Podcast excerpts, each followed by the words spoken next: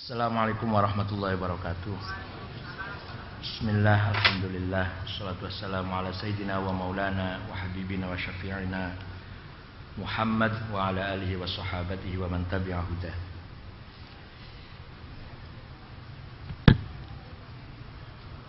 Pertama yang harus kita pahami bahwa tasawuf itu bukan akhlak.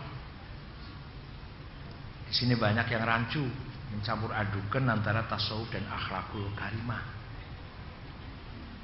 Memang seorang sufi harus akhlaknya baik. Tapi yang akhlaknya sudah baik belum tentu sudah sufi. Sebab akhlak masih melihat suluk, dohir, perilaku. Kalau ada orang baik dengan tetangga, baik dengan fakir miskin, peduli dengan bencana alam, yatim piatu, menengok orang sakit, menengok orang yang sedang kematian, itu akhlaknya baik. Belum tentu sufi. Ada orang dengan orang tua cium tangan, komandan dengan anak buah angkat tangan hormat, pegawai kecil dengan direkturnya dengan kepalanya hormat, bagus akhlaknya.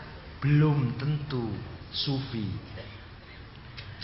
Ada orang dekat masjid, tiap waktu jamaah ke masjid Sunda Kelapa, setiap Rabu malam ngaji, setiap pagi minggu sebulan ngaji, bagus, akhlaknya bagus. Belum tentu sufi. Kalau ada infak, paling di depan sendiri, minimal 10 juta, bagus. Belum tentu sufi. Jadi akhlakul karimah dengan tasawuf beda. Yang kedua, tasawuf juga bukan ilmu hikmah, ilmu perdukunan. Ada, ilmu itu ada. Kitabnya namanya Syamsul Ma'arif, karangan Syekh Ali Al-Buni. Manba'usul Hikmah, juga karangan uh, Ali Al-Buni. Ada lagi Syumusul Anwar, Mujarrobat, karangan apa? Ad-Dardiri, itu ilmu kedukunan, sebuah ilmu, sebuah ilmu. Pengobatan alternatif. Barang siapa menjalankan ilmu itu sesuai dengan aturan yang ada, sesuai dengan proses prosedur yang ada, ya pasti berhasil. Tapi sama sekali nggak ada kaitannya orang itu sufi apa bukan, nggak ada kaitannya. Ada orang bikin air, kemudian air itu menjadi sebab sembuhnya penyakit seseorang. Itu namanya pengobatan, bukan sufi. Ada orang dibacok tidak apa-apa, kebal, disetrum nggak apa-apa. Ular dipegang nurut. Harimau dikosok-kosok, dilus-lus, diem. Itu bukan tasawuf sama sekali nggak ada kaitannya. Ya, itu sih semua agama juga punya ilmu itu. Orang Hindu, orang Buddha, orang Konghucu punya semua ilmu kayak gitu. Orang Jawa, wah kalau dengan pacarnya dibacakan tut tut nurut idep madep sirap degleng pangleng, langsung pacarnya nurut itu. Itu belum tentu sufi itu. Pelet ilmu pelet, ilmu menyihir orang, menyihir menyirap. Yang terakhir sebenarnya tasawuf juga tidak ada kaitannya dengan kasratul ibadat wan nawafil. Tidak ada kaitannya tasawuf dengan memperbanyak ibadah. Enggak. Ada orang tiap malam tahajud, tiap pagi duha, qobliyah ba'diyah, jamaah terus sholatnya berjamaah di Masjid Sunda Kelapa. Tiap dua hari khatam Quran. Tiap malam uh, tiap malam Jumat sholawat, baca sholawat sekian puluh ribu. Belum tentu sufi. Gak ada kaitannya itu antara bilangan kuantitas ibadat dengan tasawuf. Ada lagi yang ngomong, komentari, tasawuf itu bid'ah. Karena zaman Rasulullah nggak ada tasawuf. ya maklum luar pesantren kilat. Ketika zaman Rasulullah ilmu tajwid juga belum ada. Ilmu tajwid, ikhfa, idgham, idhar. Seandainya Rasulullah dibangunkan dari sekarang, Rasulullah, Sayyidina Abu Bakar, Sayyidina Umar suruh bangun dari kuburan, tanyain, ngerti nggak Rasulullah? Idgham, idhar. mad lazim mutasil. Nggak ngerti apa itu. Ilmu hadis juga nggak ngerti Rasulullah. Soheh, doif, hasan, mutawatir, aziz, ahad, mursal. Nggak ngerti Rasulullah. Ilmu fikih juga nggak ngerti Rasulullah. Qat'iyyud dilalah, qat'iyyul wurud, dzanniyud dilalah, dzanniyul wurud, dilalatul dilalatul alfaz ala ma'aniha, al amru yadullu al wujub. Waduh, nggak apa itu? Rasulullah nggak tahu apa itu. Yang namanya ilmu usul fik produknya ulama abad kedua apa itu? Begitu pula tasawuf. Ya dalam waktu zaman Nabi masih hidup ya tidak ada. Bid'ah ya bid'ah, barang baru. Malah Tuhan tuh maha badi' Asmaul Husna salah satu namanya Tuhan itu Al-Badi'. Ya maha bid'ah Tuhan itu. Yang paling maha bid'ah ya Tuhan, Badi'us samawati wal ard. Ya nggak apa-apa, orang tanya gitu nggak apa-apa, asal dijawab lah. Soal percaya boleh, enggak nggak apa-apa. Sekarang barangkali Pak Nazaruddin Umar sudah sering menyampaikan beberapa hal tentang tasawuf. Aduh, saya nggak tahu sampai di mana, eh, sampai sejauh mana Pak Nazaruddin Umar. Yang namanya ngaji itu nggak harus hatam, yang penting harus ngaji dan paham. Selesai apa enggak itu urusan nantilah, selesai apa enggak. Yang penting harus belajar aja. Kalau yang mau cari ijazah seperti saya dulu, ya harus selesai. Kalau enggak ya nggak dapat, nggak lulus. Kalau ibu-ibu yang penting ngaji, yang penting datang sini mendengarkan, paham, tidak. Soal nanti hatam apa enggak urusan belakangan.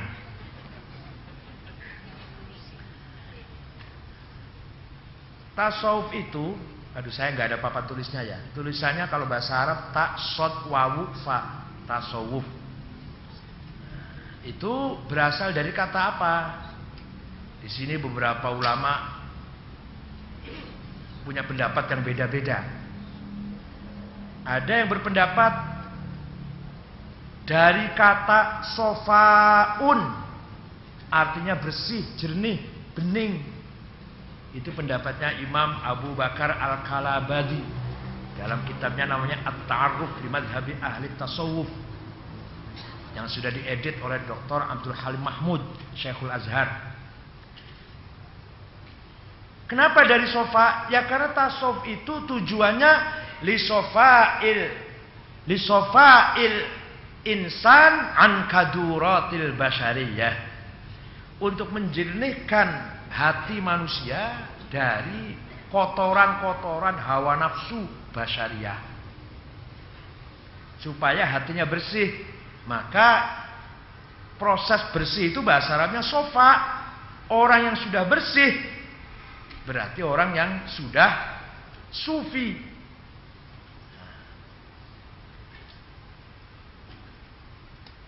Secara lugat, secara bahasa, kata tasawuf diambil dari sofa itu tidak benar. Secara makna benar, tapi etimologisnya nggak benar. Sebab kalau dari kata sofa, orang yang sudah bersih berarti bukan sufi, tapi disebut sofai.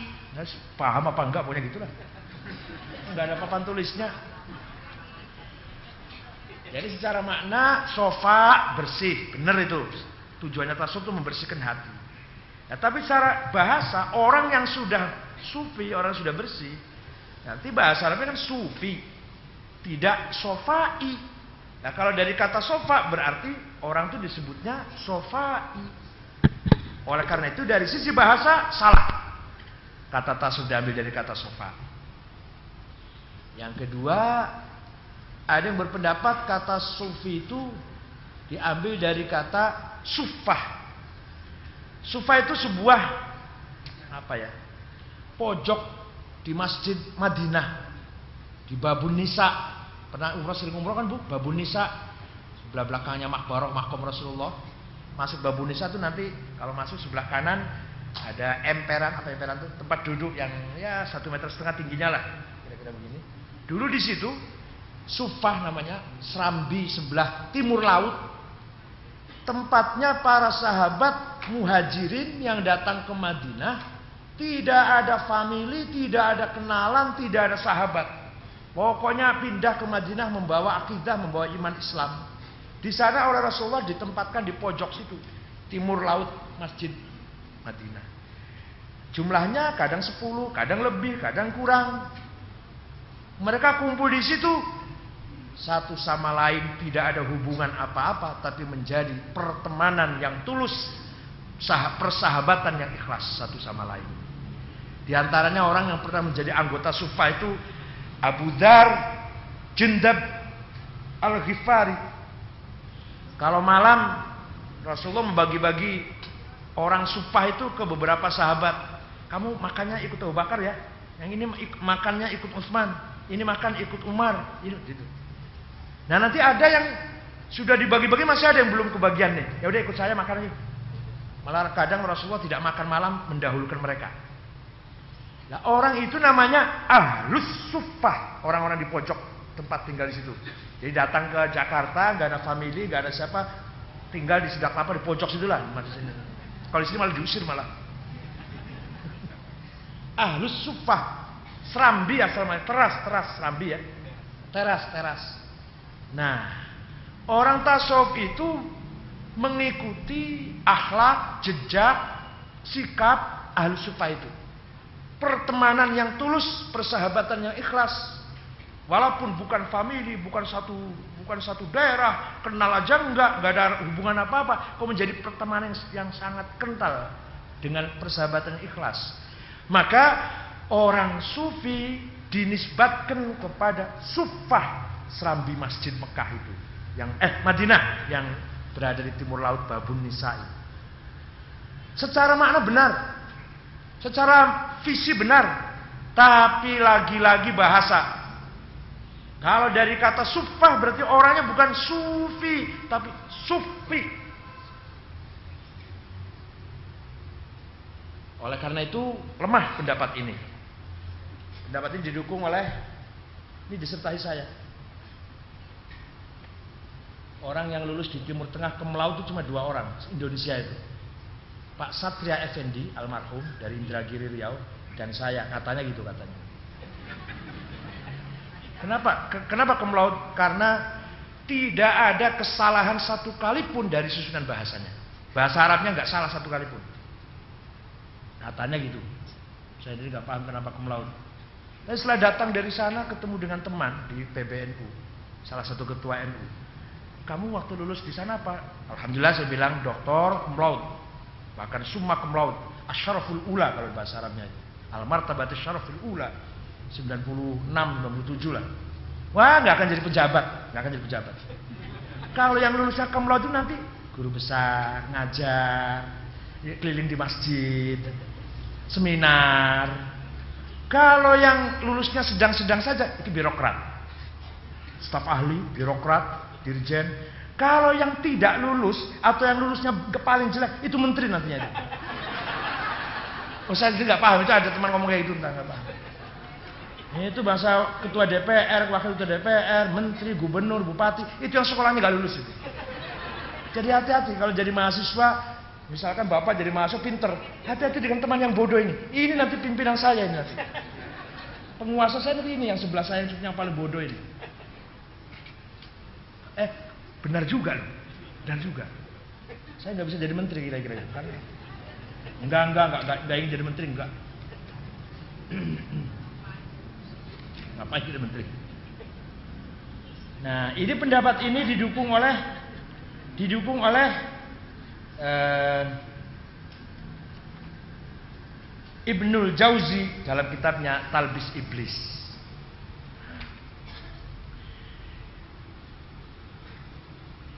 Yang ketiga, ada yang berpendapat tasawuf itu asal mulanya ceritanya begini.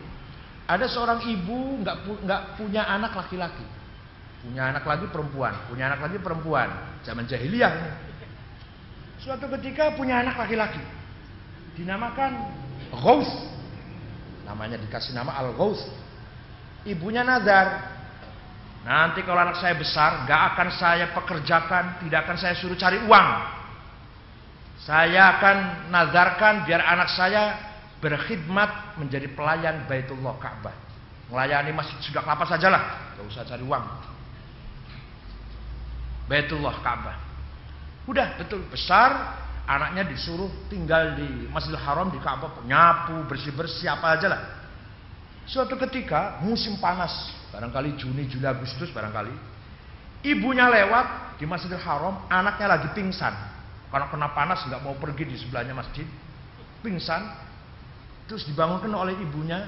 Ibunya sambil ngomong gini sambil bilang gini. Masoro ibni illa sufah. Anak saya sekarang sudah lemah lunglai seperti sebet, apa? lap lap serbet bahasa Cirebon serbet bahasa Betawi bahasa Betawi apa itu lap lap meja itu loh apa namanya ya bu ya pokoknya lap itu apa namanya kalau ya lap kalau bahasa Cirebon serbet lap lemah suami ibu kalau lemah juga kayak serbet gitu lah ada, ada. Ada seorang istri mengadu pada Sayyidina Ali. Sayyidina Ali, apa? Suami saya kayak serbet. Kayak lap. Apa? Lemes. Ya sudah. Cari daun jarjir. Digodok, direbus. Airnya diminum. Gak jarjir? Kalau ke Mekah ada itu jarjir itu. Yang pahit itu. Yang kayak selada air itu. Beli kalau di Mekah untuk bapak. Jarjir. Kalau Viagra merusak, merusak kesehatan. Kalau jarjir enggak, sama sehat. Enggak enakan ngaji terang-terangan aja ngapain langsung. Jarjir campur madu, madu Arab yang dari Duani, dari Hadramaut, Sidir. Itu ada di toko Hadramaut di Jalan Tambak itu. Itu satu juta setengah kilo. Semut aja nggak doyan, manusia doyan. Jadi kata sufah itu artinya lap lah si ibunya itu melihat anaknya yang sudah pingsan, lemas, lemas, lunglai, kena panas. Bilang gini, ya Allah anak saya sekarang seperti lap, lemes. Seperti serbet kain melap itu. Nah, kata sufah ini kemudian menjadi nisbatnya tasawuf. Maka orang yang menjadi sufi dari sisi bahasa benar. Sufah orangnya sufi benar. Tapi masalahnya Apakah orang mau? Apakah orang mau menisbatkan Syekh Abdul Qadir Jailani, Sunan Ngampel, Sunan Kudus, Sunan Bonang, Sunan Kalijaga, Sunan Gunung Jati dinisbatkan kepada orang laki-laki yang hidup di masa jahiliyah? Mau? Mau kita nisbatkan, kita hubungkan para aulia Syekh Abdul Qadir Jailani, At-Tijani, Anak Sabandi, Imam Junaid, Al-Ghazali, kita hubungkan dengan orang yang hidup qablal Islam, masa jahiliyah. Terima nggak kita? Mau nggak? Oh berat juga itu. Masa Syabdul Qadir Jilani hubungannya gelar predikatnya tuh dihubungkan dengan orang yang hidup semasa jahiliyah. Malah ada yang mengatakan zaman jahiliyah juga dulu ada satu kelompok orang yang zuhud, aksetis, nggak nggak cari uang apalah pokoknya menerima, sabar, tapi belum belum Islam. Lah apakah apakah tasawuf mau dinisbatkan kepada kelompok itu? Saya kira itu berat. Oleh karena itu Imam Al-Qushairi Abdul Karim Al-Qushairi yang punya kitab Ar-Risalah yang sudah diterjemah oleh saudara Lukman Hakim namanya terjemah. Entah terjemahnya benar apa enggak ya baca sendirilah. Kalau saya nggak pernah baca terjemah. Jangankan orang, Departemen Agama aja terjemah Quran banyak salah itu ketika menafsir itu madana fatadalla Jibril ya di surat An-Najm itu madana fatadalla kemudian mendekat oh Jibril Muhammad yang mendekat Allah itu Mi'raj itu Muhammad. Kok Jibril. Coba lihat lihat lihat. Maka dabal fuadu maro'a itu lihat terjemahnya An-Najm itu departemen agama itu banyak salah. Tadi juga yang di sini tadi salah itu tadi yang di Asmaul Husna tadi. Al-Wali dua kali itu salah itu. Yang pertama Al-Wali yang kedua Al-Wali. Ya wali yang kedua. Itu baru saya baru datang sekali di Sunda Kelapa. Kalau dua kali ketahuan apa lagi ya? Ayat Quran yang pertama juga ada salah. Wazarul ladzina yulhidun. Wazaru ada wawunya dan alif. Itu enggak ada wawu dan alif. Za dan ro saja. Wazaru ada wawu dan alif. Enggak enggak apa-apa. Yang namanya orang benar kentu bukan. Nah, menurut Abdul Karim Al-Kushairi Tasawuf itu yang paling benar dari kata suf maknanya maknanya bulu domba kulit kambing yang kasar yang kalau dipakai baju baunya nggak karu-karuan Bukan bulu wol kayak sekarang England atau apa? Mereknya apa tuh? Do, Dornil apa? Dornil apa? Ya, lupa namanya ada Pircardin apa? Di Italia ada England. Kalau sekarang wol itu mewah. Kalau dulu yang namanya wol itu ya kulitnya kambing dipakai baju. Baunya nggak karu-karuan juga kasar. Nah, ketika orang pakai baju seperti itu disebut tasawafa, memakai bulu domba. Seperti takomaso, memakai gamis. Seperti talabasa, memakai pakaian. Itu bahasa gitu loh, bahasanya ini. Dari sisi bahasa Arabnya begitu. Nah, ketika orang pakai bulu domba, tasawafa. Dia pakai baju dari bulu domba. Maka orangnya yang pakai itu sufi. Nah ini dari sisi bahasa benar, dari sisi penampilan lahir juga orang tasawuf yang nggak mau mewah juga benar.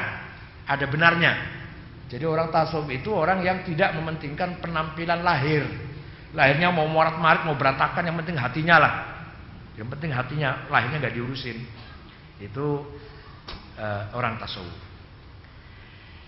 Jadi itulah ceritanya asal usul kata tasawuf. Sekarang definisinya apa sih? Tasawuf itu apa definisinya? Banyak sekali definisinya Bu. Ada 128. Dan yang paling ahli mendefinisikan ini bukan orang Islam, Arnold Nicholson dari Oxford, Inggris. Ada seorang kiai, Syekh alim dari Mesir namanya Syekh Abdul Aila Afifi. Beliau dibimbing kuliah di Inggris dibimbing oleh Arnold Nicholson. Artinya apa? Artinya si orang kiai Islam ini muridnya orang orientalis malah. Sampai menjadi menantunya. Jadi Abu Al Afifi itu syekh dari Al Azhar jadi menantunya Arnold Nicholson. Istrinya tetap Kristen, beliau ya syekh Islam, syekh Al Azhar. Ya nggak apa-apa. Dunia biar ada biar ada macam-macam dulu bu, jangan satu aja.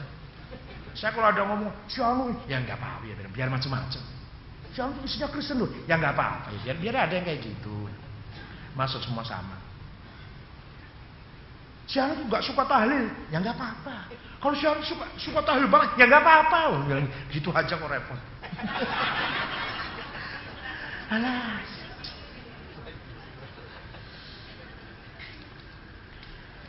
Definisi tasawuf orang yang pertama kali mendefinisikan tasawuf adalah Syekh Aduh sebenarnya sebelum definisi orang yang pertama kali tasawuf dulu ya. Salah ini, meloncat. Orang pertama kali mendapatkan gelar sufi dulu siapa?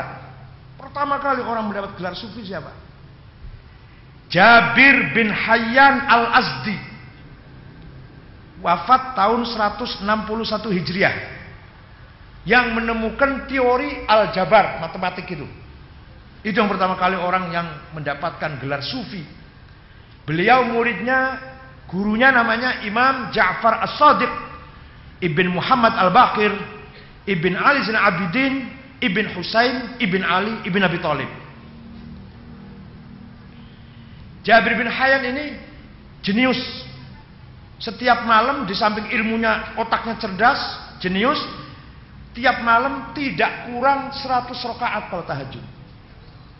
Setiap pagi kalau akan melakukan observasi melakukan penelitian permisi dulu, minta izin dulu pada gurunya Imam Ja'far Shadiq. Kalau dapat izin baru dia melakukan penelitian. Beliaulah yang pertama kali menemukan teori aljabar. Beliau pertama kali menemukan teori kimia dalam dunia Islam. Dia membaca kitab Yunani kemudian uh, Islam juga dimodifikasi dengan teori-teori dalam Islam. Bahkan dia sampai bisa menjadikan batu biasa, batu kerikil jadi berlian jadi emas. Walhasil batu biasa jadi batu berharga dari sekian kilo, dari sekian satu ya, sekilo batu kasar menjadi satu gram emas itu dia bisa dan sudah dilakukan sudah dicoba. Bahkan dia mempunyai tujuan ingin menghidupkan orang yang sudah mati atau binatang mati kira hidup lagi gimana? Waduh cloning itu jadi cloning itu bukan barang baru. Dulu sudah pernah orang mikirkan cloning. Tapi angkat tangan, setelah bicara ruh, angkat tangan dia. Gagal. Ternyata dia kalau sudah masalah ruh, angkat tangan. Jadi kalau batu biasa jadi emas, batu biasa jadi ramuan-ramuan-ramuan jadi obat, ramuan ini jadi begini, bisa dia. Tapi seketika sampai kepada masalah roh, angkat tangan gagal. Ah, tapi ide cloning sudah ada dari dulu, bukan barang baru. Itulah Jabir bin Hayyan. Orang pertama kali mendapatkan gelar sufi, beliau hidup di kota Kufah. Yang kedua namanya Abdul Karim ibn Uthman atau terkenal dipanggil Abdak. Wafat tahun 165. Beliau tidak pernah makan yang ada rohnya. Jadi kalau makan apa? Vegetarian, ya. Kalau saya kalau saya makan nggak ada rohnya. Masa ayam hidup, ayam mati nggak ada rohnya. Dan beliau sangat zuhud, sangat tawakal. Namanya Abdul Karim ibn Uthman. Sangat zuhud, sangat tawakal, sangat mahabbah dengan siapa pun, mencintai sesama orang, nggak nggak lihat orang itu siapa. Pokoknya kalau ketemu orang dia pasti tidak pernah membenci satu orang pun. Hatinya sudah penuh dengan cinta. Tidak ada ruang untuk membenci siapa pun. Itu seperti Robi Adawiyah. Robi Adawiyah itu pernah ziarah ke Rasulullah. Kemudian setelah ziarah ngomongnya gini, Rasulullah minta maaf ya. Saya baru kali ini sempat ziarah. Karena hati saya udah penuh dengan zikir pada Allah. Lupa zikir pada anda. Betul. Tapi jangan niru gitu, aku sampean niru gitu. Keluar dari ziarah Rasulullah, jumpa iblis. Iblis, saya nggak bisa benci kamu. Hati sudah penuh dengan cinta kepada Allah. Nggak ada ruang untuk benci. Jadi nggak ada tempat hati saya untuk benci. Jangan pada manusia, pada iblis pun sudah nggak ada, nggak ada tempat untuk membenci. Itu Robi Adawiyah, Robi sudah kelapa, menteng Robi Adawiyah.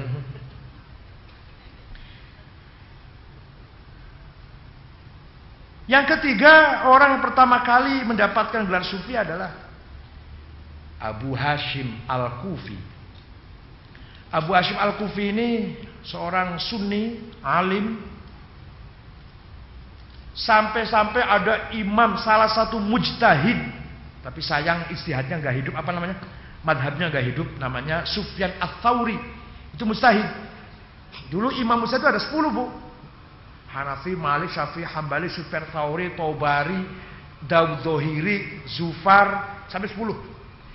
Tapi yang hidup cuma 4. Kalau di Indonesia ada satu lagi, Imam Samudra.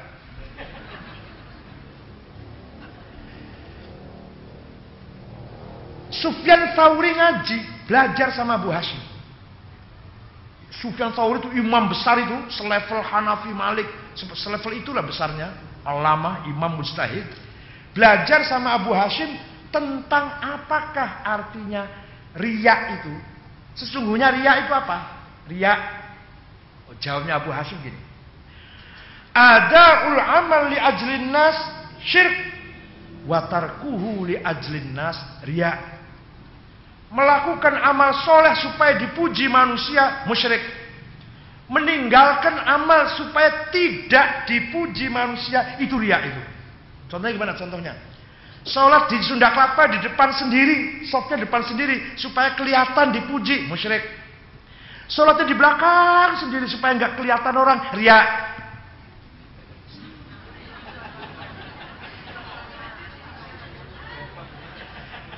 Sedekah, sedekah 10 juta supaya tertulis paling banyak musyrik. Ah sedekahnya nggak usah ditulis namanya lah fa'il khair, hamba Allah, ria.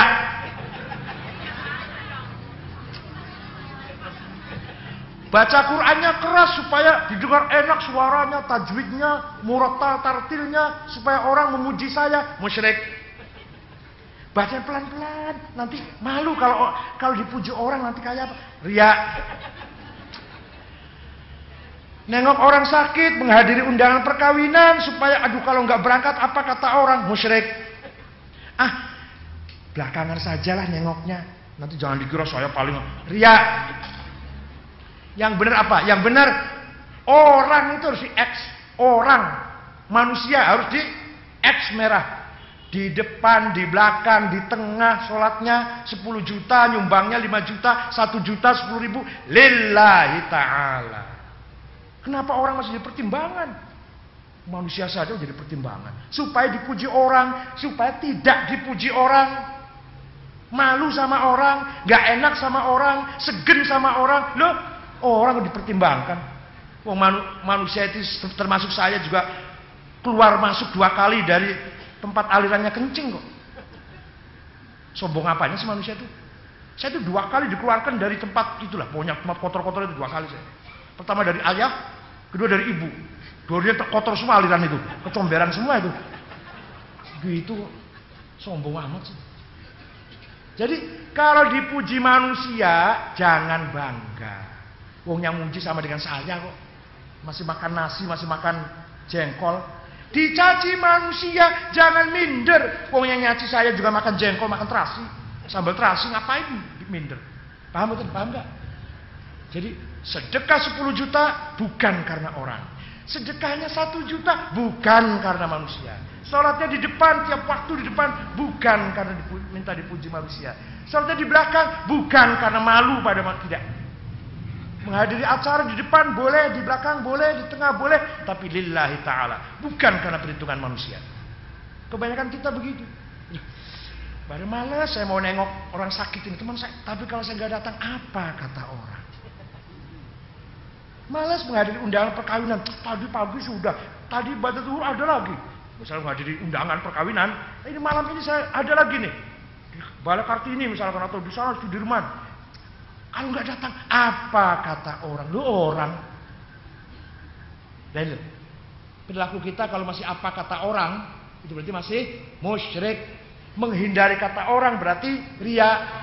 Cari kata orang musyrik, menghindari kata orang ria. Udah paham? Aduh, dua menit tadi udah paham. Cerdas-cerdas luar biasa. Saya dulu 4 tahun belajar gini, ibu 2 menit udah paham. Nah itu Abu Hashim ngajari Sufyan Tauri, imam mustahid Sufyan Taurinya ini. Ahli fakih, ahli tafsir, ahli hadis, Imam Sufyan Taurinya. Nah, ngaji kayak gini sama Abu Hashim Al-Kufi, termasuk orang ketiga yang terkenal mempunyai lakob sufi. Ya, sekarang orang pertama kali mendefine tasawuf itu siapa? Orang namanya Abu Mahfuz Ma'ruf Al-Karhi. Mati wafat tahun 200 Hijriah. Beliau bapaknya masih orang Majusi. Namanya Fairuzan bapaknya. Kemudian masuk Islam. Masuk Islamnya di tangan Imam Ali Ridho Ibn Musa Al-Kazim Ibn Ja'far Sadiq. Ali Ridho itu kuburan di kota Mashhad. Dari Tahran 1000 km. Naik pesawat satu jam. Itu kuburannya kubahnya emas. Dan kalau setiap pada sholat, terutama sholat duhur, makan semua. Jamaah itu makan semua. Gratis. Sudah kelapa makan ada makan nggak ya? Mau nggak kalau ada pengumuman besok pada duhur kita sholat sholat makan bersama bersama imam dengan sate. Besoknya ada pengumuman ya, makan siang kali ini gulai Surabaya. Senang saya kira. Saya selalu jamaah di sini nanti. Jadi di Masjid Ali Ridho di Mashhad itu di Taharan, setiap pada duhur semua jamaah makan gratis. Dan makannya betulan itu. Bukan sembarangan, nanti betul-betul enak. Dan saya ke sana kebetulan dua kali duhur terus, saya makan terus ya. Memang carinya supaya makan. Ada rumah sakitnya, ada sekolahannya, ada pendidikannya gratis semuanya. Itu kuburannya Imam Ali Ridho, Ibn Musa Al-Kazim, Ibn Ja'far Sadiq, Ibn Muhammad Al-Baqir, Ibn Ali bin Abidin, Ibn Husain, Ibn Ali bin Abi Thalib. Nah, Imam Mahfud Al-Karhi ini mendefinisikan tasawuf begini. Tasawuf ialah bahasanya begini. Al-akhzu bil haqa'iq wal ya'su minal min aidil khalaiq. Mencari kebenaran berpaling dari kepalsuan. Itu baru tasawuf itu. Apa bu? Mencari kebenaran berpaling dari kepalsuan. Padahal di dunia ini 99,9 masih koma lagi nih masih koma lagi nih. Masih koma lagi koma sembilan lagi masih satu lagi koma lagi nih koma sembilan palsu semua isinya ini jilbab palsu kopiah palsu dasi palsu dokter palsu, kiai palsu, khotib, imam palsu. Paham nggak? Paham nggak? Ibu pakai jilbab, betul hatinya berjilbab? Alhamdulillah. Kalau ada orang laki-laki ganteng nggak lirik, ya udah tua ya nggak lirik, udah masih muda lirik. Kalau ada uang numpuk nggak lirik,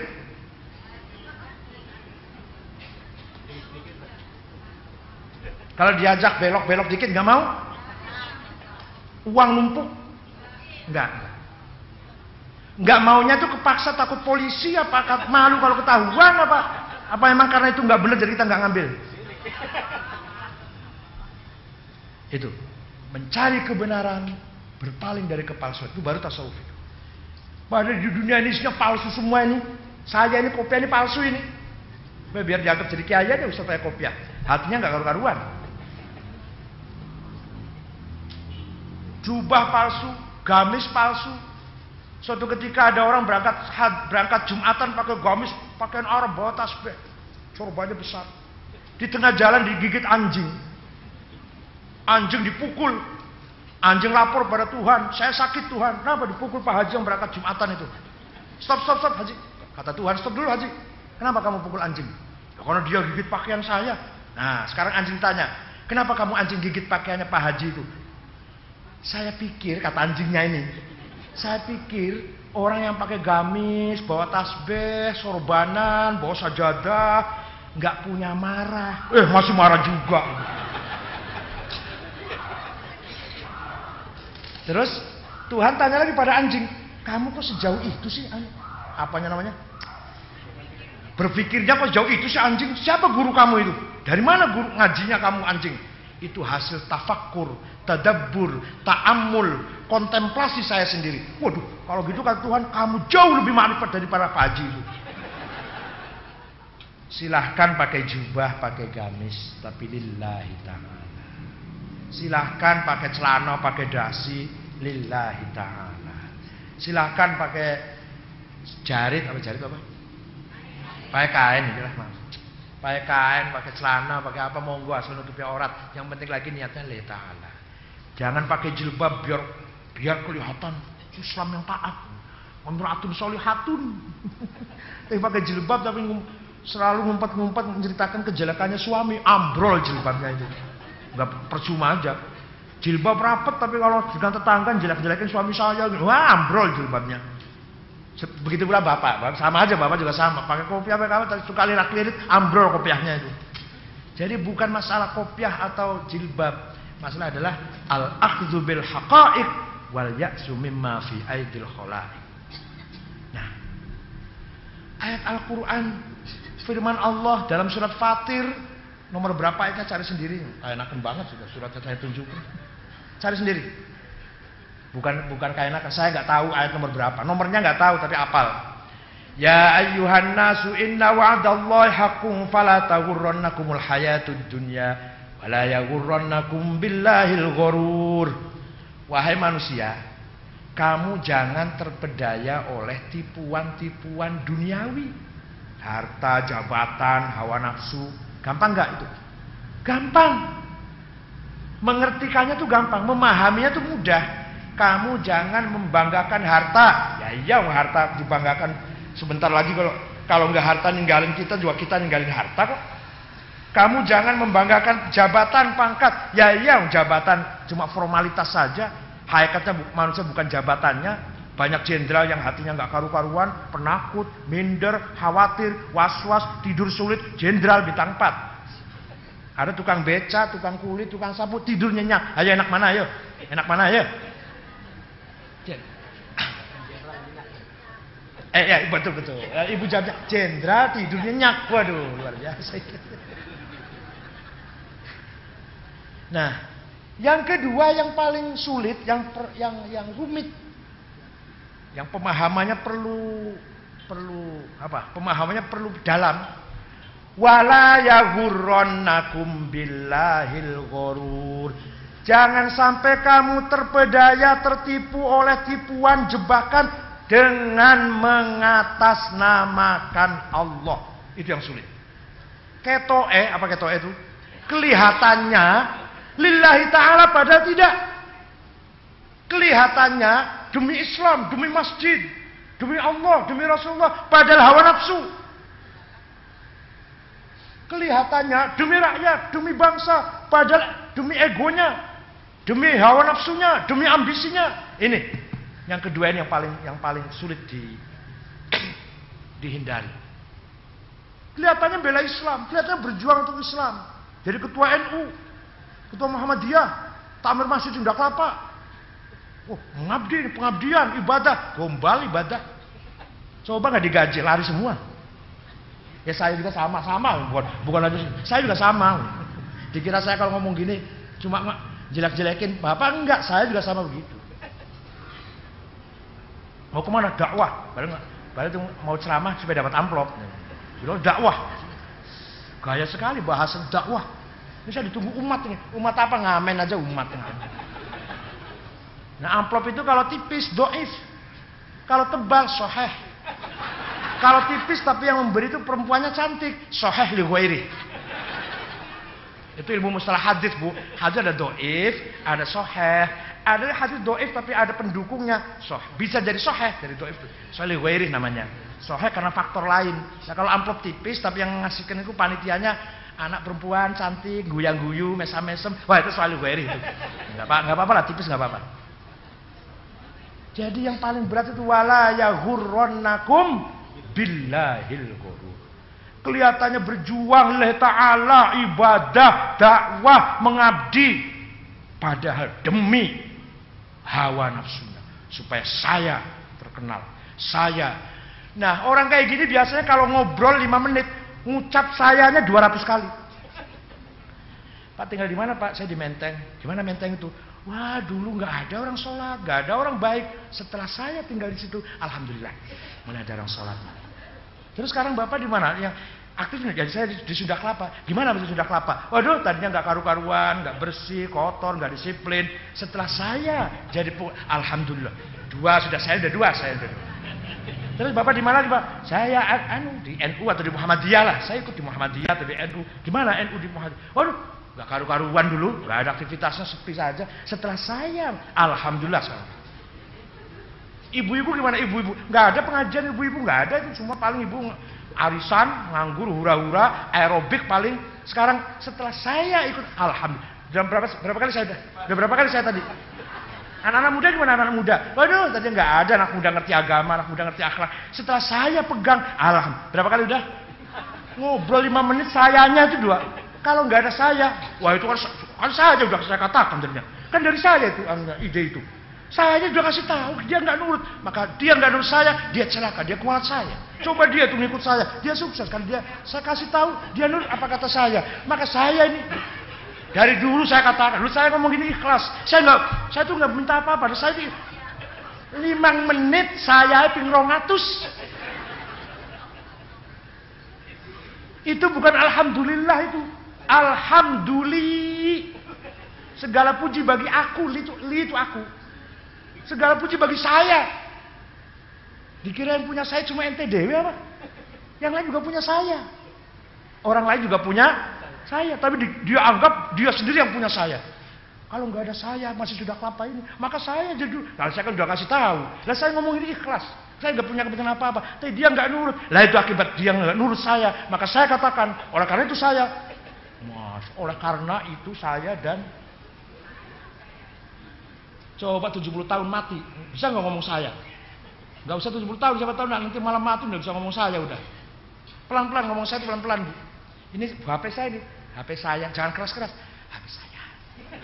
Siapa tahu nanti malam nggak bisa ngomong HP saya, nggak bisa.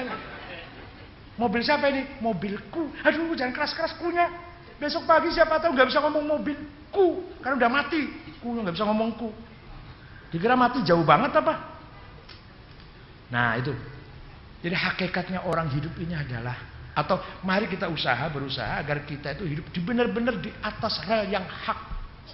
Betul-betul mengetahui hakikat hidup itu apa. Hidup itu apa hidup itu. Nah, mari kita jauhi kepalsuan. Hidup bukan hanya simbol, bukan hanya manuver, bukan hanya yel-yel, bukan hanya pamer, bukan hanya legal formal, bukan hanya bintang di sini, bukan. Oke, bintang di sini iya, tapi hatinya juga perwira. Bukan hanya kopiah, hatinya juga berkopiah. Bukan hanya doktor, ilmunya juga pas seperti gelarnya doktor itu. Itu maksud saya. Bukan hanya imam, tapi juga betul-betul imam jadi panutan. Bolehnya ketua NU, tapi betul-betul juga bisa mengembangkan NU Muhammadiyah dan sebagainya itu. Itu namanya mencari lah tasawuf itu mencari hakikat itu. Makanya dulu ada seorang sufi namanya Asadullah Al-Harith Al-Muhasibi. Itu tangannya ada urat sarafnya di, di, di salah satu jarinya. Kalau mau ngambil barang yang kurang halal bergerak. Mau minum misalnya ini kurang halal, bukan kurang halal arak bukan. Ini gelasnya dibeli dengan uang yang ya nggak begitu halal atau airnya tadi dapat mencuri misalkan. Ini tangannya bergerak. Kalau dikasih makan orang kalau nggak halal betul nggak jadi makan. Karena tangannya menunjukkan. Wah kalau saya punya tangan bergerak, kapan terima amplopnya saya? Apa nggak ada halal udah sekarang ini?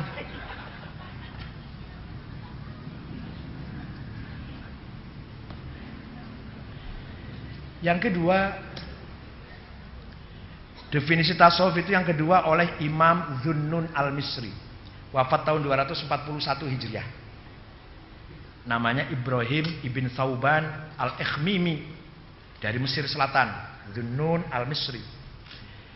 Mengatakan tasawuf ialah sufi ialah kaumun atharullaha ala kulli syai'in fa atharullahu ala fa atharullahu ala kulli syai'in qaumun atharullaha ala kulli syai'in fa atharahumullahu ala kulli syai'in orang yang mendahulukan Allah maka Allah akan mendahulukan mereka orang yang mementingkan Allah kebenaran atas segala yang lainnya di atas yang lainnya maka Allah akan mendahulukan mereka dari selainnya. Itu baru sufi itu kalau orang begitu itu. Mendahulukan Allah, ngalahkan lainnya. Suami kalah, anak kalah, bisnis kalah, Allah tok yang dulukan.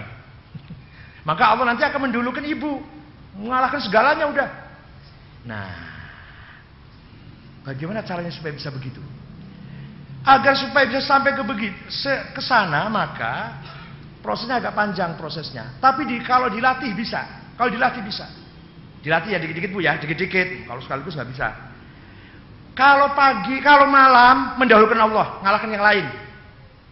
Kalau siang, ya apalah bareng-bareng kalau siang suami dilayani, kantor dilayani, oh, tangga dilayani, toko apa uh, buka toko, jual beli apa bisnis yang kita jalankan. Tapi kalau malam khusus untuk Allah. Bisa nggak gitu? Coba dicoba dulu. Coba dulu. Nanti lama-lama ditambah malam dan siang, tapi seminggu sekali aja dulu. Senin kalau siang Senin untuk Allah saja, yang lain buang, kan nggak dipikirin. Belajar. Lama-lama akan terasa bu, enak ya nggak mikirin, nggak mikirin cetak bengek hanya Allah tuh enak, ringan rasanya, ketagihan malah, ketagihan malah. Aduh, ada dangdut nggak dengar sudah, ada dangdut nggak dengar, ada idol nggak mau, ada KDI nggak mau sudah. Arisan males sudah, arisan males sudah. Itu semua basa-basi omong kosong karena tidak mencari kebenaran. Ada sebuah ibadah yang kalau pas momentumnya, pas ngepasin gitu, ngepasin, walaupun kalimatan wahidah tusma'u minal mala'il a'la. Saya pas kebetulan ngomong, ya Allah, tapi pas ikhlas. Kebetulan ikhlas, kebetulan lagi didengar momentumnya tepat, itu didengar oleh Allah, walaupun hanya ya Allah kemudian tidur, diberikan semuanya. Ada lagi yang ibadah. Dari jam 12 sampai jam 4 wirid terus. Ngadep mulon terus apa ngadep mulon nih. Baru ke barat terus di atas sajadah. Allah nggak menerima, nggak mendengar itu. Kenapa? Kalau ya Allah, ya Allah, ya Allah. itu ya Allah mulut nyampe uang duit, duit, duit, duit. Ada yang ya Allah sekali saja, tapi ikhlas betul-betul buang semua, semua buang. Apa yang ada di kanan kiri, langit, bumi, suami, anak, istri, keluarga, dagangan, perusahaan, uang, deposito, tagihan, apalah apa semua cacat buang coba, buang, buang. Sampai diri kita sendiri buang coba. Setelah terbuang semua, baru ucapkan, Ya Allah. Bisa nggak itu? Belajar sekali aja, sekali aja gitu. Nah itu nanti ya Allah didengar betul itu. Kalau ya Allah masih ya duit, ya nanti Allah duit. Ya masih mendingan. Pengen duit panggilnya Allah masih mending daripada pengen duit terus cari cari calon pil apa, calon gubernur. Ini lagi lagi saatnya ini subur uang nih kabar yang tim sukses. Biasanya kalau tim sukses tuh Yang calonnya belum sukses, timnya dulu sukses biasanya. Saya itu saya itu bu. Jangan dikira saya nuduh orang lain enggak. Jadi coba belajar, belajar. Biasanya saya kalau disinggung orang marah, coba hari ini tidak. Biasanya kalau teman di pojok lagi ngerumpi, saya nimbrung biasanya. Oh iya, kamu baru tahu. Saya dulu. Oh, minggu, saya minggu kemarin saya dengar itu. Biasanya gitu biasanya. Enggak. Sekarang tahan. Belajar nahan. Biasanya menyesal. Biasanya aduh. Sakit aduh. Ya Allah kenapa? Coba. Belajar tidak aduh. Gus Dur itu satu kelebihannya. Kiai Abdurrahman Wahid itu satu. Tidak pernah aduh. Tidak pernah. Mengapa saya begini? Gak pernah. Maaf. Beliau sudah fisiknya kayak gitu, ibu nyainya juga istrinya kayak gitu. Gak pernah saya telinga saya belum pernah dengar beliau aduh, gak pernah. Orang sangat percaya diri, semangat hidupnya luar biasa. Lagi diimpus di rumah sakit, keluar demo dulu, dilepas dulu impusnya demo. Itu masuk rumah sakit lagi, impus lagi. Di dunia apa ada tuh kayak orang kayak gitu tuh? Ya kelemahannya manusia, kelemahannya ada, tapi itu kelebihannya yang saya ceritakan. Ke Amerika ke Amerika mau ketemu Clinton nggak mau diterima. Ya nggak apa-apa saya ke Amerika mau memperbaiki kacamata. Mau ganti kacamata. Eh akhirnya diterima. Setelah diterima 15 menit. Ya nggak apa-apa. Eh akhirnya 45 menit. Nah ya nah itu orangnya luar biasa di situ. George Soros datang ke sini perlu mampir ke Gus Dur. Menteri Amerika siapa namanya? Menteri Amerika yang orang hitam itu. Lisa Rice itu. Itu, itu. Mementingkan ketemu Gus Dur ada apanya orang itu nggak tahu saya Gus Dur itu. Maunya kayak gitu. Tapi ya itu kelebihannya tidak pernah sakit atau apa atau apa dilengsarkan dari presiden. Aduh, mengapa saya begini? Gak pernah dengar saya itu. Gak pernah dengar dia ngomong gitu. Saya tetangganya. Walaupun saya juga banyak nggak cocok dengan beliau cara cara tapi satu itu yang saya nggak bisa niru. Supirnya ngebut, tenang aja. Kalau saya, eh pelan-pelan, pelan-pelan, hati-hati. Kalau dia tenang aja tuh, supirnya mau sudang, sudung, itu kelebihan beliau. Jadi coba belajar tidak aduh. Misalkan ibu hari ini dapat musibah misalkan. Biasanya aduh kenapa begini ya Allah. Coba tahan, tahan. Tahan dulu. Namanya belajar namanya. Ada suaminya rewel ya biasanya ngelawan ya enggak gitu lebih. Biasanya suaminya pulang terlambat, bawel, enggak coba belajar, belajar. Atau bawelnya biasanya dua menit, coba kurangi semenit aja bawelnya. Ya Allah saja maha maha pengampun, maha pemurah, maha melupakan dosa manusia, apalagi ibu dengan suami, dendam gitu, kalau punya salah dendam. Allah sudah nggak pernah dendam. Pentingkan semua kebenaran itu. Yang ketiga, Abu Yazid Al-Bustami yang wafat tahun 254 Hijriah mendefinisikan tasawuf Sifatu haqqin yalbasuha kholqun. Sifatnya Gusti Allah yang maha hak dipakai oleh makhluk. Baru sufi itu. Kalau ada manusia punya sifat-sifat meniru sifatnya Allah. Baru sufi itu. Wah, luar biasa berat lagi nih. Ya pokoknya kita jadikan Asmaul Husna itu idola. Idealnya seperti ini. Ya minimal kalau kecadak-cadak 25 persennya ya nggak apa-apa kan. Nah, ini namanya namanya berusaha, namanya ibadah. Sehingga pertama kali prosesnya begini Bu. Minggu kemarin sudah saya terangkan tapi saya ulangi. Misalkan di hati kita penyakitnya 10, misalkan saya, saya, saya, kalau Bapak udah bersih-bersih, saya ini yang kotor. Hasud, dengki, sombong, takabur, suudzon, permusuhan, benci, syirik, ria, ada dalam hati saya 10. Coba bulan ini, bulan ini Dikurangi dua, hasud dan iri buang. Masih delapan. Gak apa-apa, gak apa-apa. Jangan sekaligus nanti semaput, nanti pingsan nanti kalau semaput. Nah begitu begitu dua hilang, dua hilang, namanya taholi. Apa namanya? Cleaning, proses cleaning, pembersihan. Nanti akan muncul di sini tahali. Yang kok kan kosong nih, kosong nih, kosong dua nih. Masuk tahali apa? Perhiasan. Menghiasi diri kita apa? Muncul sabar, muncul tawakal, muncul fakir, muncul ridho, muncul syukur. Gitu loh.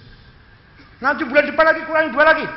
dendam, permusuhan dengan tetangga, dengan saudara, masalah warisan nggak beres, nggak apa-apa, lupakan, lupakan, lupakan. Ya warisan warisan tapi lupakanlah. Coba hilang empat kan, muncul lagi nanti tahali, tahalnya muncul apa? Ridho, syukur. Gitu loh. Jadi kalau taholinya nggak pernah dibersihkan, penyakitnya sepuluh masih utuh. Ngaji tiap malam di Sunda Kelapa, sabar, ridho, syukur, mahabbah, fakir, tawakal, nggak akan masuk Gak akan masuk itu. Ngaji sih ngaji, masuk enggak. Ya tetap aja hatinya isinya dendam, iri, hasud, sombong, suudzon, dendam, ingin balas dendam, cinta dunia, ambisius, egoistis. Begitu hati yang masih isinya begitu, suruh masuk sabar, ridho, syukur, mahabbah, tawakal, enggak, enggak akan masuk. Jadi kosongkan dulu baru nanti masuk. Ya makanya diatur pelan-pelan. Dalam Al-Quran dikatakan, Zuyyina linnasi hubbus syahawati minan nisa'i wal banin wal qanatiril muqantarati minadh dhahabi wal fiddati wal khaylil musawwamati wal an'ami wal harth. Dzalika mata'ul hayatid dunya wallahu 'indahu husnul ma'ab. Surat Al-Imran ayat berapa cari sendiri. Kaenakan, kaenakan banget. Ayat ini surat sekian diartikan, masya Allah, manja banget. Saya dulu cari sendiri ayat berapa surat apa cari sendiri dulu. Enggak, saya nggak tahu surat nomor ayat berapa saya nggak tahu. Apal dan nggak tahu nomor berapa. Kira-kira nomor 4 apa ya? Eh, 14 lah, 14 ya. Manusia itu diberi kesenangan satu istri. Ya kalau ibu ya laki-laki. Dua banin anak. Tiga wal konatil mukontoro dolar euro. Ngapain rupiah? Dolar. Yang keempat minat wal fiddoh emas berlian. Apalagi? Apalagi? Zamrud zabarjad. Apalagi? Pokoknya gitulah yang mahal-mahal uh, mata kucing apalagi yang mahal apalagi wal khair musawamah mobil. Binat. Kuda yang larinya cepat, mobil. BMW, Audi. Bila perlu Rolls Royce. Aduh, jangan jangan sayang nanti Pak, nanti jangan jadi pakai paling dikemulin aja nanti. Saya punya tetangga, mobilnya ada Mercy, dikemulin terus. Yang keluar kok CRV terus, nggak pernah yang lain. Jadi untuk apa itu mobil? Dikemulin saja, dikosok-kosok saja. Yang keluar kijang terus. Nah itu tuh apa itu? Nah, makanya nggak usah nggak usah mobil mewah lah. Nanti nyerempet nyerempet, sayang udah. Nanti nggak bisa tidur kalau nyerempet. Nah, wal, wal, wal an'am peternakan, wal harf kebun ladang tanah punya tanah di, di Cianjur, punya tanah di Sukabumi, punya tanah di Bogor, 20 hmm, hektar, punya tanah kebun sawit di Sumatera. Yang lagi apa? Wal harf tanah wa mata'ul hayatid dunia dan kesenangan dunia. Profesor, doktor, jenderal, kolonel, uh, apalagi, apalagi ajengan, imam, ustad, kiai, insinyur, itu semua kesenangan. Piagam, vandal, sertifikat, porsi, jadi di hati kita itu isinya, kalau bapak baca, kalau lihat hati saya isinya, yang sebelah kanan perempuan, sebelah kiri anak, sebelah bawahnya anak mobil, bawahnya bawahnya istri saya, bawahnya perempuan, emas, uang, sebelah lagi ada kursi, ya ambisi ingin, jadi menteri, ingin jadi apa gitu ada di sini ada ini. Nah, untung nggak tahu kalau kelihatan isinya itu saya itu isinya. Ya kursi ya, apalagi apalagi hatinya ibu. Kalau saya tahu, wah, lari saya. Apalagi kalau saya tahu isinya hatinya ibu, lari saya udah nggak mau ketemu lagi. Isinya hati saya juga gitu. Yang di atas sendiri istri, saya itu istri terus, anak terus. Yang di belakangnya, di bawahnya emas, kekayaan, tanah, mobil, kendaraan, kemuliaan, kepangkatan, jabatan. Tidak apa-apa. Enggak salah enggak. Orang-orang punya itu enggak salah. Zuyyina linnasi hubbus syahawat. Memang kehidupan dihiasi dengan itu. Boleh. Asal. Nah, asal tidak mengganggu fungsinya kolbu. Fungsinya hati. Hati yang penuh dengan iman. Hati yang punya basirah.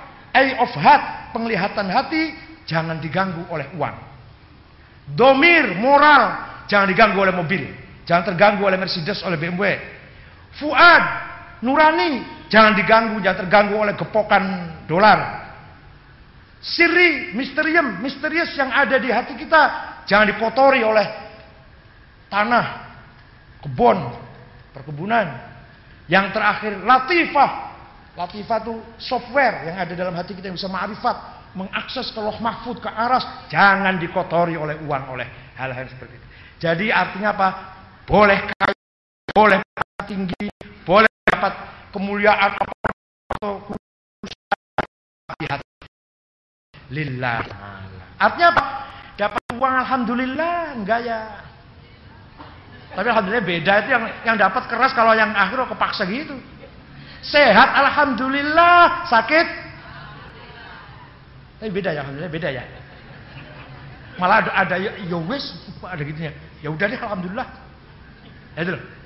Likaila ta'sau ala ma fatakum wala tafrahu bima atakum. Surat Al-Hadid ayat apa itu?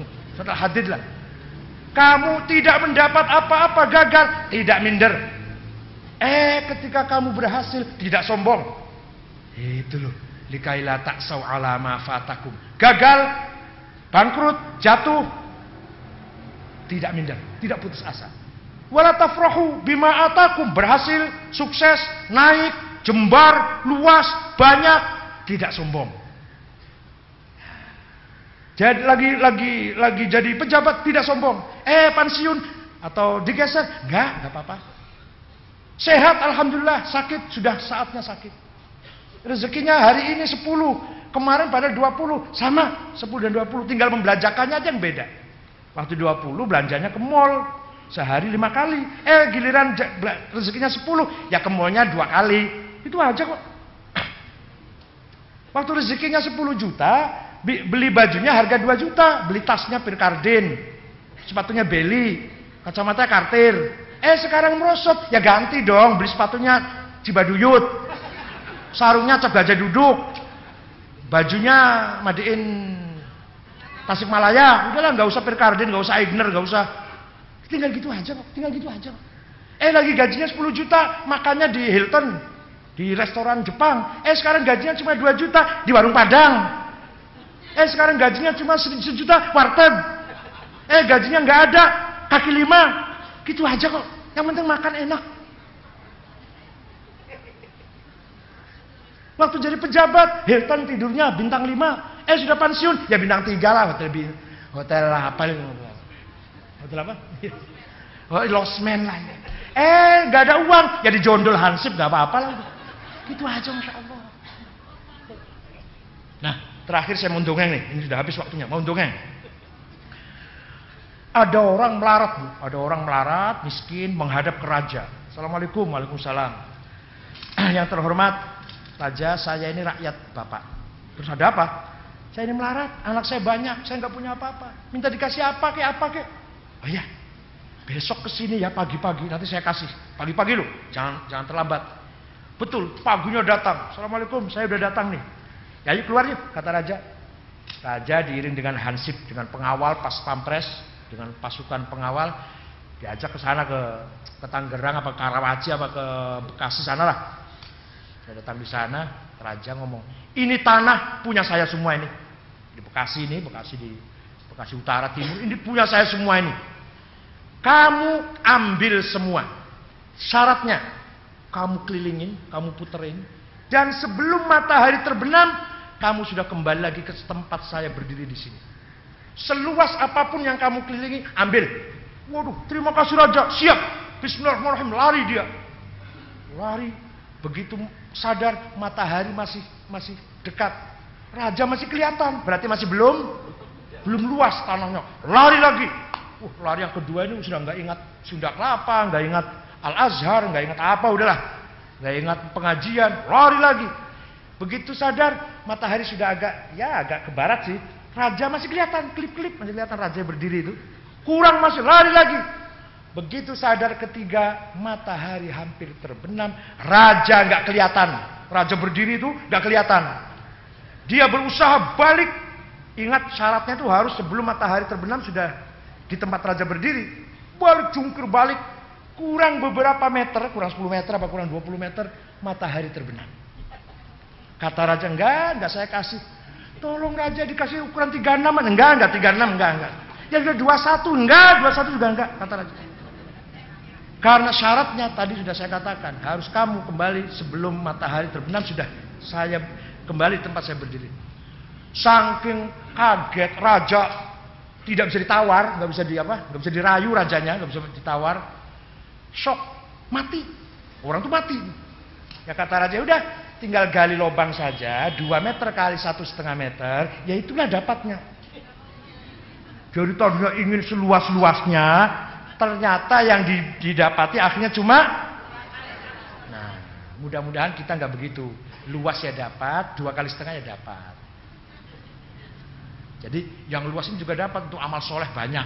Pada akhirnya nanti kita juga dua, dua kali satu. Ya nggak apa-apa tapi yang luas kan sudah dapat gitu kan? Seperti tadi ibu bilang ya jenderal ya tidur nyenyak gitu sama. Mudah-mudahan ada manfaatnya. Syukron wa dumtum fil khairi wal barakah. Wassalamualaikum warahmatullahi wabarakatuh. Monggo. Baik kami persilahkan kepada para jamaah untuk e, tanya jawab. Dari bapak satu orang, dari ibu-ibu satu orang.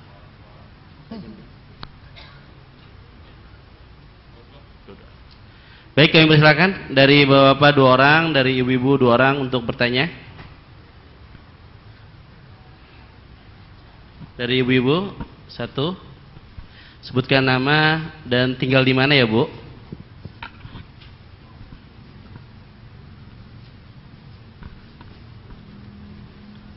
Assalamualaikum warahmatullahi wabarakatuh. Yang ingin saya tanyakan, oh nama nama Ibu Yoyo dari Hutan Kayu, anak muridnya Pak Lukman Hakim. Itu Ustadz, kalau sudah belajar tasawuf, kadang-kadang baru beberapa bulan saja dia sudah bermimpi yang macam-macam gitu. Apa yang menyebabkan mereka seperti itu? pengikut tasawuf yang masih baru-baru begitu ya. Jadi seolah-olah artinya beramalnya belum banyak tapi dia sudah menceritakan begini begini begini dalam mimpinya itu. Nah, yang saya ingin tanyakan apakah seperti itu untuk belajar tasawuf yang ditujunya. Terima kasih. Assalamualaikum warahmatullahi wabarakatuh.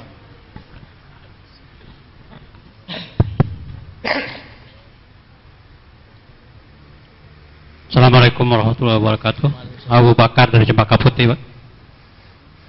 Kiranya gambaran yang Bapak jelaskan tadi kepada kami, kalau kita refleksikan dengan keadaan dunia sekarang ini, apakah kita sebagai pengusaha, apakah kita sebagai pejabat, apakah kita sebagai pegawai atau apa pun, kelihatannya agak sulit untuk menerapkannya, Pak. Jadi dalam kondisi yang demikian apa yang kita harus lakukan? Di satu pihak kita dituntut untuk menjauhi semua karena lillahi ta'ala. Di lain pihak, dunia kita ini sudah kena polusi begini luas, Pak. Apa yang kita harus lakukan, Pak? Terima kasih. Assalamualaikum warahmatullahi wabarakatuh. Udah, dua. Baik, biar langsung dijawab oleh Prof. Ngimpi itu ada tiga macam bahasa Arabnya, Bu. Ada namanya hadisun nafsi, suara jiwanya, suara hawa nafsunya. Makanya saya sering mimpi ketemu perempuan cantik itu karena saya ingin eh, saya ingin cantik gitu loh. Jadi makanya saya sering perempuan cantik, ingin lihat uang, ingin mimpi lihat uang. Karena saya ingin uang terus. Jadi suara jiwa saya itu datang di mimpi. Itu namanya min hamazatis syayatin. Bercampur dengan ya, hembusannya setan. Yang kedua mimpi itu al-ahlam dalam bahasa Arab. Apa ahlam itu? Kembangnya tidur, bunganya tidur, keindahan dalam tidur lah. Sebab tidur itu hanya berhenti, ada saraf yang berhenti yang padahal jiwa itu bisa lepas, bebas. Itu ada bunga-bunganya. Ahlam ini, ahlam ini bisa ditafsiri dengan benar kalau memang ada ahli yang bisa menafsiri. Yang paling terakhir, mimpi yang paling bagus bahasa Arabnya ar-ru'ya as-sadiqah. Mimpi yang benar, mimpinya Rasulullah, mimpinya Nabi Yusuf, orang yang apa orang temannya Nabi Yusuf temannya Nabi Yusuf yang mimpi tujuh tujuh sapi gemuk ya itu kan ya seterusnya lah ditakwil oleh Nabi Yusuf mimpinya para kiai, misal para ulama, itu namanya ar-ru'ya as-sadiqah. Sekarang kalau ada orang baru belajar tasawuf kemudian sudah mimpi, ada dua ada dua kemungkinan. Ada memang betul-betul dia itu mengamalkan pelajarannya sehingga mendapatkan ahlam tadi, ahlam belum sampai ru'ya, jangan dulu bilang ru'ya terlalu tinggi. Ada yang yang ada yang bohong lah. Dia ngomong mimpi itu bohong, nggak mimpi nggak apa itu kira-kira. Jadi baru ikut tasawuf seminggu langsung mimpi jumpa Nabi Khidir. Padahal Nabi Khidirnya uh, uh, sorban hijau kan. Sorban, bukan bukan Nabi Khidir, sorban hijau Imam Masih juga sorban hijau. Jadi mimpi itu ada unsur kebenaran. Mimpi ada juz'un min sittati wa arba'ina nubuwah. Saya juga nggak ngerti kenapa 46 mimpi itu seperempat puluh enamnya nubuah kenabian. Saya juga nggak ngerti. Kenapa kok 46 itu saya juga nggak ngerti. Kenapa nggak 50, nggak seper 10, seper 100, seper berapa? 46 dari kenabian. Makanya banyak sekali dalam Al-Quran juga cerita seorang mimpi kemudian benar. Dan ada ulama yang ahli tafsir mimpi yang terkenal, seorang tabi'in. Siapa? Ibnu Sirin. Itu orang paling terkenal pandai menafsiri mimpi. Sekarang ilmu jiwa klinikal, seorang psikiater ketika mau obati orang, pasien juga tanya mimpinya apa. Ya, karena yang sebenarnya terjadi dari, dari mimpinya. Ya boleh-boleh saja, tapi ya tidak semuanya benar. Yang kedua, Pak Bapak ini bisa Pak. Kalau kita sungguh-sungguh benar-benar hidup di mana saja bisa. Kita berpegang teguh dengan al-haq itu bisa. Ya soal ideal apa enggak ya nanti berproses. Teman kok pada korupsi, saya tidak ah. Masa nggak bisa gitu aja? Teman saya kok korupsi, saya enggak ah. Masa gitu aja nggak bisa? Teman pergi ke karaoke ambil minum-minum sambil ada perempuannya, saya enggak ah, pulang saja. Masa gitu aja nggak bisa pak? Nggak nggak bisa nggak gitu? Bisa nggak? Teman saya sekantor pada pergi ke karaoke, ada perempuannya, ada minum-minumnya, saya enggak ah, pulang aja. Masa nggak bisa gitu aja? Nah, mak mana nih kira berat tuh apanya? Ya memang tantangan pasti ada, ujian pasti ada, tapi kita mau jadi orang bener bisa. Bisa. Saya contoh ambil contoh yang paling konkret, Pak. Ya, ya, ya. Kalau kita bergerak di dunia bisnis, saya setelah pensiun turun di dunia bisnis, Pak. Semua bisnis yang ada di Indonesia sini di pemerintahan kotor semua, Pak. Saya katakan begitu. Apa kita kita tinggalkan itu berarti kita tidak makan, anak bini kita tidak makan? Oh ya, enggak, enggak begitu. Sekarang kalau teman melakukan kotornya 10, kita kalau kotornya satu aja lah. Ya, ya namanya gimana? Namanya proses. Kalau teman lakoni kotornya melakukan penipuan atau kekotoran atau kepalsuannya 10%, ya kita satu persen aja lah. Jadi ada niat baik, ada saya salah. Waktu minggu pagi kemarin saya katakan Alam ya amanu antah sya'qulubu lidzikrillah wa ma minal haqq Seidealnya hati kita selalu pada yang benar. Nggak benar masih belum bisa berusaha supaya benar, masih belum bisa senang pada yang benar, masih belum bisa pengen jadi orang benar, masih belum bisa jangan menghalang-halangi teman lagi benar. Udah, pol udah. Mentok sudah. Jangan ngalang-ngalangin teman lagi benar. Udah mentok itu. Jadi ada Pak, klasifikasinya ada. Ada orang salah disebut maksiat. Apa maksiat itu? Terbawa-bawa. Maksiat namanya. Asin bahasa Arabnya. Asin orang yang bermaksud terbawa, terpengaruh. Ya lupa khilaf lah. Ada yang kedua. Mujrim. Murtakib. Sering melakukan. Sering zina, sering minum, sering nipu. Itu bukan terbawa itu namanya. Bukan terbawa, bukan maksiat. Yang ketiga. Fasik. Sudah menjadi apa pelakunya atau atau bosnya atau agennya lah agennya maksiat itu fasik ada lagi yang syirir bahasa Arabnya. Ahlus syar. Sudah gak bisa diharapkan baiknya. Orang itu gak bisa jadi baik. Maunya zina, minum, bunuh, rampok. Bunuh, rampok, minum, zina. Maunya itu saja. Itu syirir. Orang yang gini harus dibunuh. Hukumannya. Kalau dibunuh, orang kayak gini syirir. Kalau yang fasik, ditahan. Kalau yang tadi sering berlaku, eh, ditahan, di, dikasih takzir, dikasih peringatan. Kalau yang maksiat, dinasehatin saja. Jadi Tuhan juga dalam menghadapi orang salah ini, orang jelek ini bertahap. Ada yang khilaf, terbawa, terpengaruh, yaitu dinasehati. Ada yang agak sering melakukan, sering mujrim namanya, pelaku namanya. Nah itu perlu lebih keras lagi ditahan, dipenjarakan atau apa. Ada yang fasik sudah jadi agen nih, jadi pentolannya lah. Dan ini ada hukumannya berat lagi. Yang paling berat ahlus syar. Orang yang sudah bisa tidak diharapkan jadi baik. Gak bisa orang jadi baik. Ada, ada emang. Jadi sudah kelapa sih nggak ada. Ya sebelah sana sudah kelapa lah. Itu ada orang tidak bisa diharapkan jadi orang baik. Ini yang dalam Al-Quran tidak layak dikasih hidup. Harus dibunuh orangnya itu. Ada orang senangnya misalkan kalau lihat orang miskin dia senang. Lihat orang kelaparan dia senang. Lihat orang sengsara dia senang. Wah ini udah ngapain dia kasih hidup orang kayak gitu? Kayak kayak Kaisar Nero. Kaisar Nero Romawi itu budak dijadikan obor, dibakar, dipajang pinggir jalan. Jadi obor itu jadi lampu. Dia senang ketawa melihat melihat budak dibakar mati. Itu Nero itu yang ahusyar namanya. Atau orang atau seorang raja Zunuas. Zunuas seorang raja yang membunuh orang Kristen, dibakar hidup-hidup, dimasukkan ke parit. Kutila ashabul ukhdud an-nari dzatil waqud idhum 'alaiha qu'ud. Mereka nonton, mereka melihat dengan nikmat, dengan senang. Orang Kristen dibakar hidup-hidup, masukkan ke parit, dia nonton malah, dia senang. Wa wa minhum illa hamid. Itu menimpa orang Kristen tuh di Najran. Najran itu Saudi Selatan sekarang. Nah ini orang kayak gini nih yang ahlus syar. Di Indonesia sudah mulai banyak ahlus syar. Dia nggak puas kalau nggak merampas tanah orang. Dia nggak puas kalau belum merampas istri orang. Dia belum marem, dia belum marem, belum puas kalau belum menggusur orang miskin. Ini ahlus syar sudah. Kalau bapak enggak lah, maksiat lah, maksiat. Astagfirullah, wudhu aja udah hilang, wudhu aja udah hilang. Terima kasih, mudah-mudahan ada manfaatnya. Ah. Bismillahirrahmanirrahim. Alhamdulillahirabbil alamin. Allahumma inna nas'aluka bi annaka antallahu la ilaha illa antar rahmanir rahim malikul quddus salamul mu'minul muhaiminul aziz jabbarul takabbir al khaliqul bari'ul musawwir ghaffarul qahhar wahhabur razzaqul fattahul alimul qabidul basil khafidul rafil mu'azzin sul basir al hakamul adul latiful khabirul azimul halimul halim syukur halimul azim kalimul mufid جميعا مجيب الواسع الحكيم الودود المجيد البعث الشهيد الحق. الوقيل القوي المتين الولي الحميد المحسن المبدي المعيد المحيي المميت الواجد الحي القيوم الواجد الماجد الواحد الواحد الصمد المقتدر الأول متع... الأول الآخر الظاهر الباطن الأول البر التواب المنتقم. العفو رؤوف مالك الملك ذو الجلال والإكرام المقصد الجامع. الأول المكرم عن الدور النافع الهادي البادي الباقي الوارث الرشيد الصبور.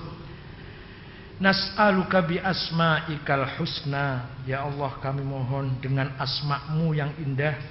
Antuwafiqona wa auladana. Berilah kemampuan kepada kami dan anak-anak keturunan kami. Bil a'malis solihah. Menjalankan amal yang saleh. Wa antahfadhona wa iyahum. Dan hendaklah engkau menjaga kami dan anak-anak kami. Minal hammi wal gham. Wal maradi was saqam wal balaya wal mihan wal fitan. Jagalah dari segala penyakit musibah bencana penyakit menular fitnah. Wa antaj'ala lana walahum dan berilah kepada kami dan anak-anak kami farajan wa makhraja kejembaran keterbukaan kemudahan fi umurid dunia wal akhirah. Rabbana khtim lana bil Islam wal iman Ya Allah akhirilah hidup kami dengan membawa iman dan Islam. Waj'al indantihai ajalina min hadhihi dunya Berilah kemampuan kepada kami di akhir nanti ketika menghadapi sakaratul maut. Akhir kalamina. Kalimat yang paling akhir kami ucapkan. Kalimat la ilaha illallah Muhammad Rasulullah. Rabbi yassir wa la tu'assir. Rabbi atmim lana bil khair wa sallallahu alaihi Muhammadin nabil ummi walhamdulillahi rabbil alamin